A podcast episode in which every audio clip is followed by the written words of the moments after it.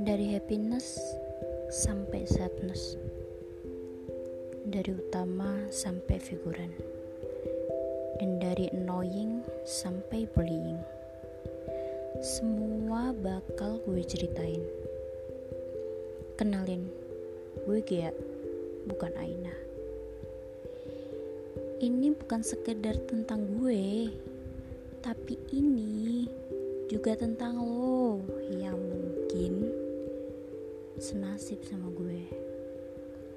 Tinggalin aja bacotan gue. Kalau menurut lo gue nggak asik. Gue nggak peduli yang dengerin dikit. Di sini gue cuma pengen ngasih tahu kalau lo nggak sendiri